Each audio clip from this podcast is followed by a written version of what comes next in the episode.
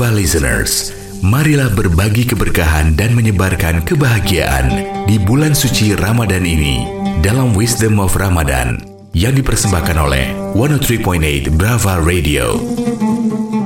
Assalamualaikum warahmatullahi wabarakatuh.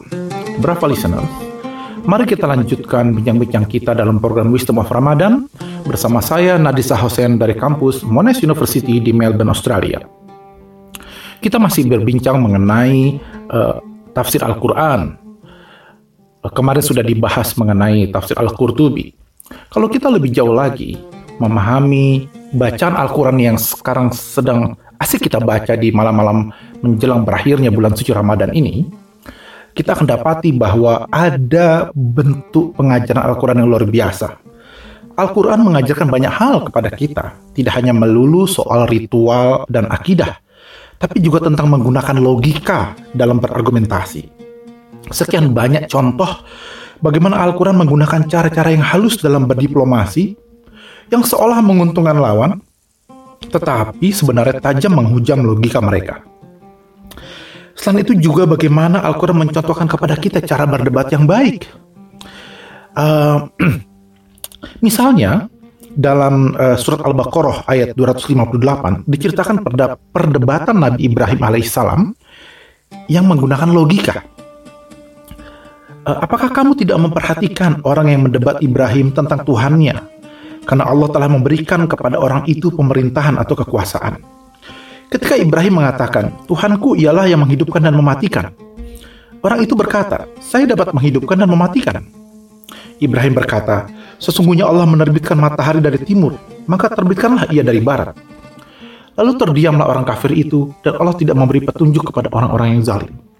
Ini salah satu cara berdakwah dengan logika. Uh, dan ini dibenarkan oleh Al-Quran.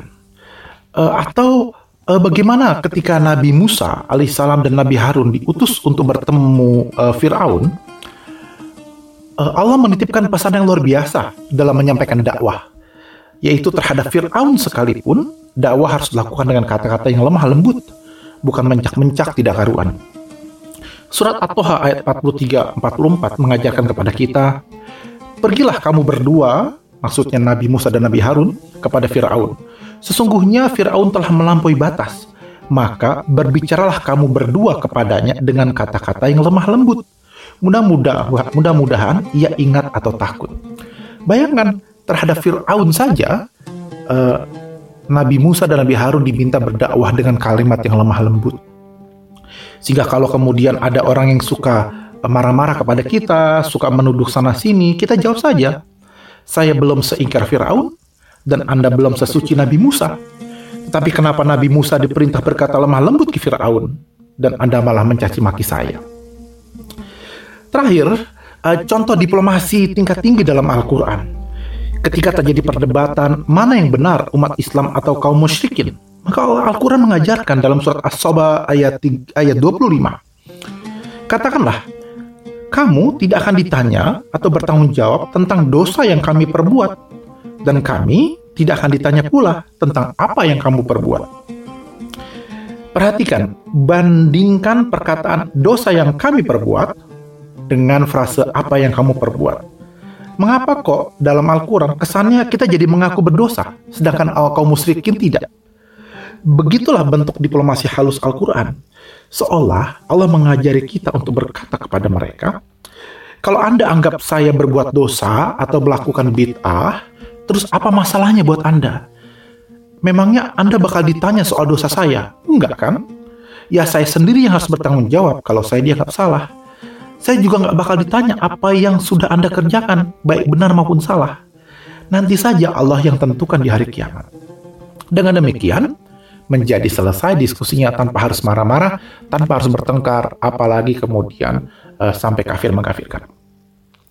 Jadi, Al-Quran mengajarkan banyak hal kepada kita. Salah satunya adalah bagaimana kita menggunakan logika, bagaimana kita berdiplomasi dan berdebat dalam Al-Quran.